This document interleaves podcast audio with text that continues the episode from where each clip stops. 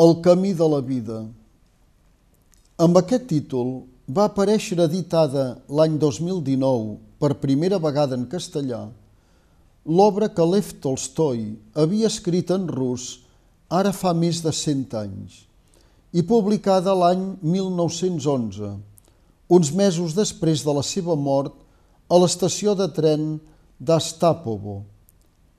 El camí de la vida ja havia estat traduïda a l'anglès l'any 1919, a l'italià l'any 2010 i al francès l'any 2012.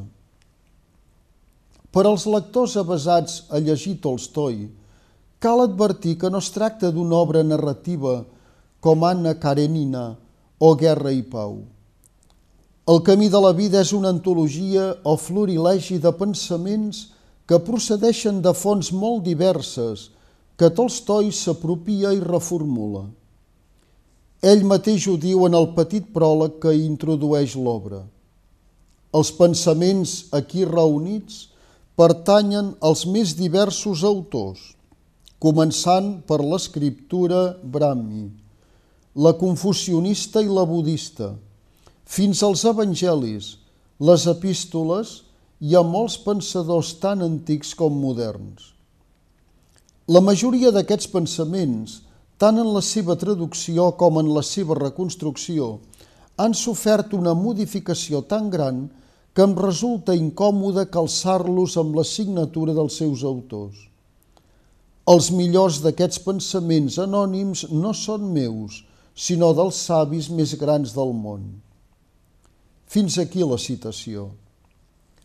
Tolstoi no només modificava els pensaments aliens, sinó que també modificava els propis, afirma la seva traductora Selman Thira, perquè en extreure del seu diari aquells que considerava apropiats per al seu nou llibre, modificava alhora les seves pròpies reflexions.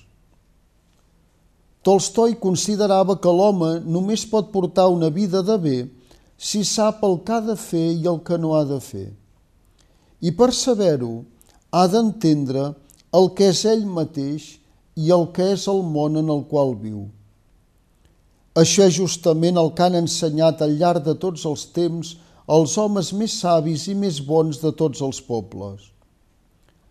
Tots els ensenyaments d'aquests savis, diu Tolstoi, coincideixen entre ells en allò principal i concorden també en allò que a cada ésser humà li diuen la seva raó i la seva consciència. El camí de la vida, explica Selma Incira a la introducció, és la culminació d'una idea que va acompanyar Tolstoi durant molts anys, reunir els pensaments dels grans savis. En aquell llibre que Tolstoi considerava l'expressió més completa del seu pensament religiós i moral, queda clara la seva recerca personal i i la seva necessitat imperiosa de despertar l'ésser humà per a què comenci a portar una vida de bé. A diferència de les dues obres anteriors que tenen un caire semblant, pensaments d'homes savis per a cada dia i cercle de lectura, i que estan organitzades per mesos i dies, el camí de la vida està dividit en 31 capítols, i cada capítol està dedicat a un tema transcendental. La fe, l'amor, l'ànima, la luxúria, la violència, el càstig, la mort. Els capítols estan dividits en incisos i els pensaments es van encadenant l'un amb l'altre, de manera que el lector es pugui anar endinsant de manera fluida i harmònica en el tema proposat. A Tolstoi li hagués agradat que aquesta obra s'arribés a convertir en un llibre de capçalera de milions de lectors i que tingués una influència benèfica en el destí del món. No anava errat en el seu objectiu, doncs es tracta d'un llibre en el que gent molt diversa s'hi pot sentir còmode i hi pot trobar elements de reflexió. A més, el llibre tampoc no requereix una lectura seguida, sinó que es pot llegir alternant els diferents capítols, encara que la idea de Tolstoi era que el lector llegís un capítol per dia i que la lectura del llibre es perllongués durant un mes. Però per damunt de tot, el camí de la vida és un llibre com no acaba mai de llegir. No pas perquè materialment no l'acabi, sinó perquè a cada relectura hi pot trobar coses noves.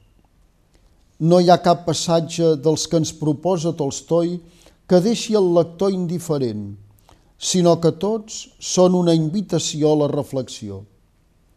Es tracta, sens dubte, d'una bona guia per il·luminar el camí de la vida de qualsevol persona.